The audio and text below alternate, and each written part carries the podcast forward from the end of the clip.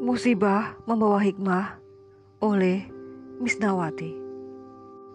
Allah SWT berfirman, Tidak ada musibah pun yang menimpa kecuali dengan izin Allah. Quran Surat At-Taghabun ayat 11 Kehidupan dunia fana hanyalah sementara. Di dalamnya berbagai ujian akan ditemui. Termasuk saat ini, pandemi wabah COVID-19 yang melanda hampir di seluruh dunia, tidak ada yang tidak disinggahinya, termasuk negeri ini, Indonesia. Sejak masuk ke Indonesia, pandemi COVID-19 menelan korban yang jumlahnya tidak sedikit. Ada yang sakit lalu sembuh, namun tidak sedikit yang menjadi sahid. Ada orang tua kehilangan anaknya, anak kehilangan orang tua, suami kehilangan istri, istri kehilangan suami. Sungguh pilu memang menyaksikan kondisi hari ini. Orang-orang yang kita sayangi telah menjadi korban ganasnya pandemi. Namun, meratapi keadaan tak akan mengembalikan mereka yang telah tiada. Bersedihlah sewajarnya, itu manusiawi. Menyadari sepenuhnya, kelak kita pun akan berpulang menyusul mereka.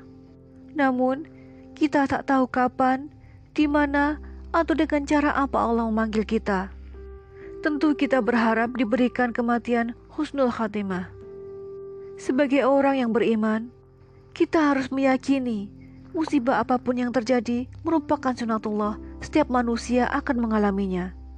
Lalu, orang yang mendapat musibah menghibur dirinya dengan mengucapkan innalillahi wa inna ilahi roji'un. Yang artinya, sesungguhnya segala sesuatu berasal dari Allah dan akan kembali padanya. Quran Surat Al-Baqarah ayat 156 menyikapi apa pun musibah yang menimpa dengan hati lapang, tetap tenang dan tawakal. Menyadarinya sebagai teguran dari Allah SWT agar menjadi pribadi yang lebih baik lagi, kuat dan ikhlas. Islam sebagai agama sekaligus peraturan hidup orang beriman telah mengingatkan bagaimana sebaiknya bersikap ketika menghadapi musibah, yakni pertama, ridho dan ikhlas. Sebagai orang yang beriman, meyakini apa pun musibah yang terjadi, seperti pesawat jatuh, bencana alam, kecewa, kesedihan, kehilangan harta, sakit, kematian, atau wabah COVID-19 adalah ketetapan Allah SWT yang telah ada di lauhul mahfuz. Kewajiban kita ridho dan ikhlas menerima ketetapannya.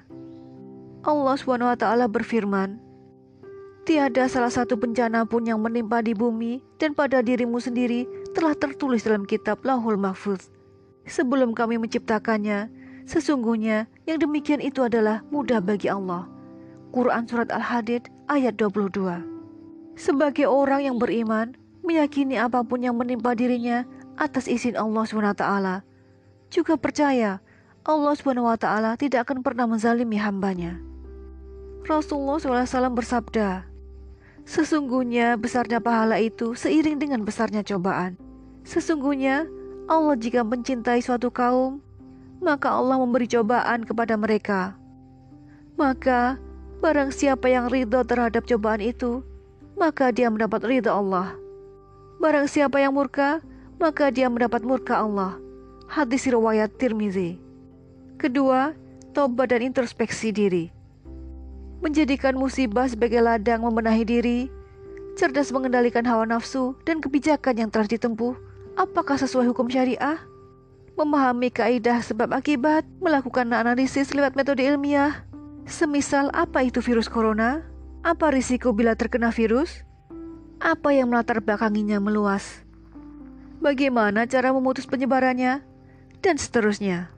Berusaha memperbaiki diri, memohon ampunan Allah SWT dan menyesali diri untuk tidak melakukan kesalahan yang sama.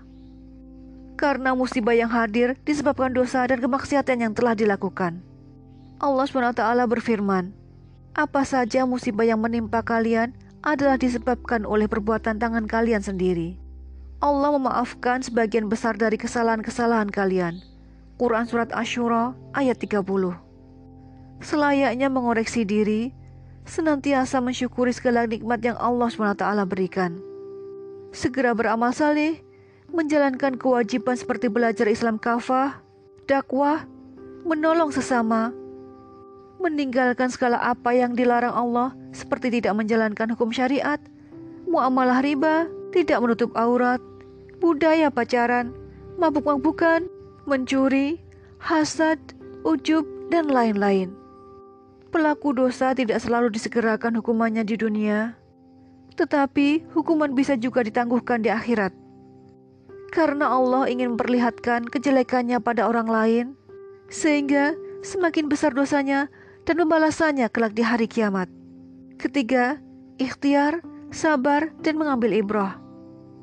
Seorang beriman memahami setiap musibah yang menimpa dirinya adalah upaya Allah SWT melatih mentalnya agar menjadi pribadi yang kuat dan kokoh. Tentu akan sangat berbeda ketika seseorang yang hanya memahami musibah secara dangkal, ia akan menjadi rapuh, gundah, bahkan sedikit saja urusan dunia, dia mudah terguncang jiwanya. Di balik musibah yang dialami, Allah SWT akan mengugurkan dosa-dosanya diampuni semua kesalahan serta ditinggikan derajatnya.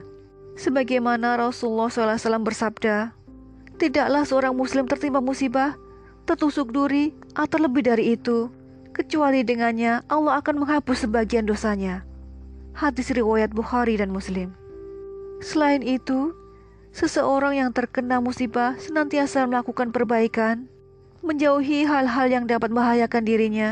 Dia tidak boleh pasrah atas keadaan, turut memperhatikan nasib umat dan agamanya, mengembalikan semua solusi persoalan yang ada hanya dengan hukum syariatnya.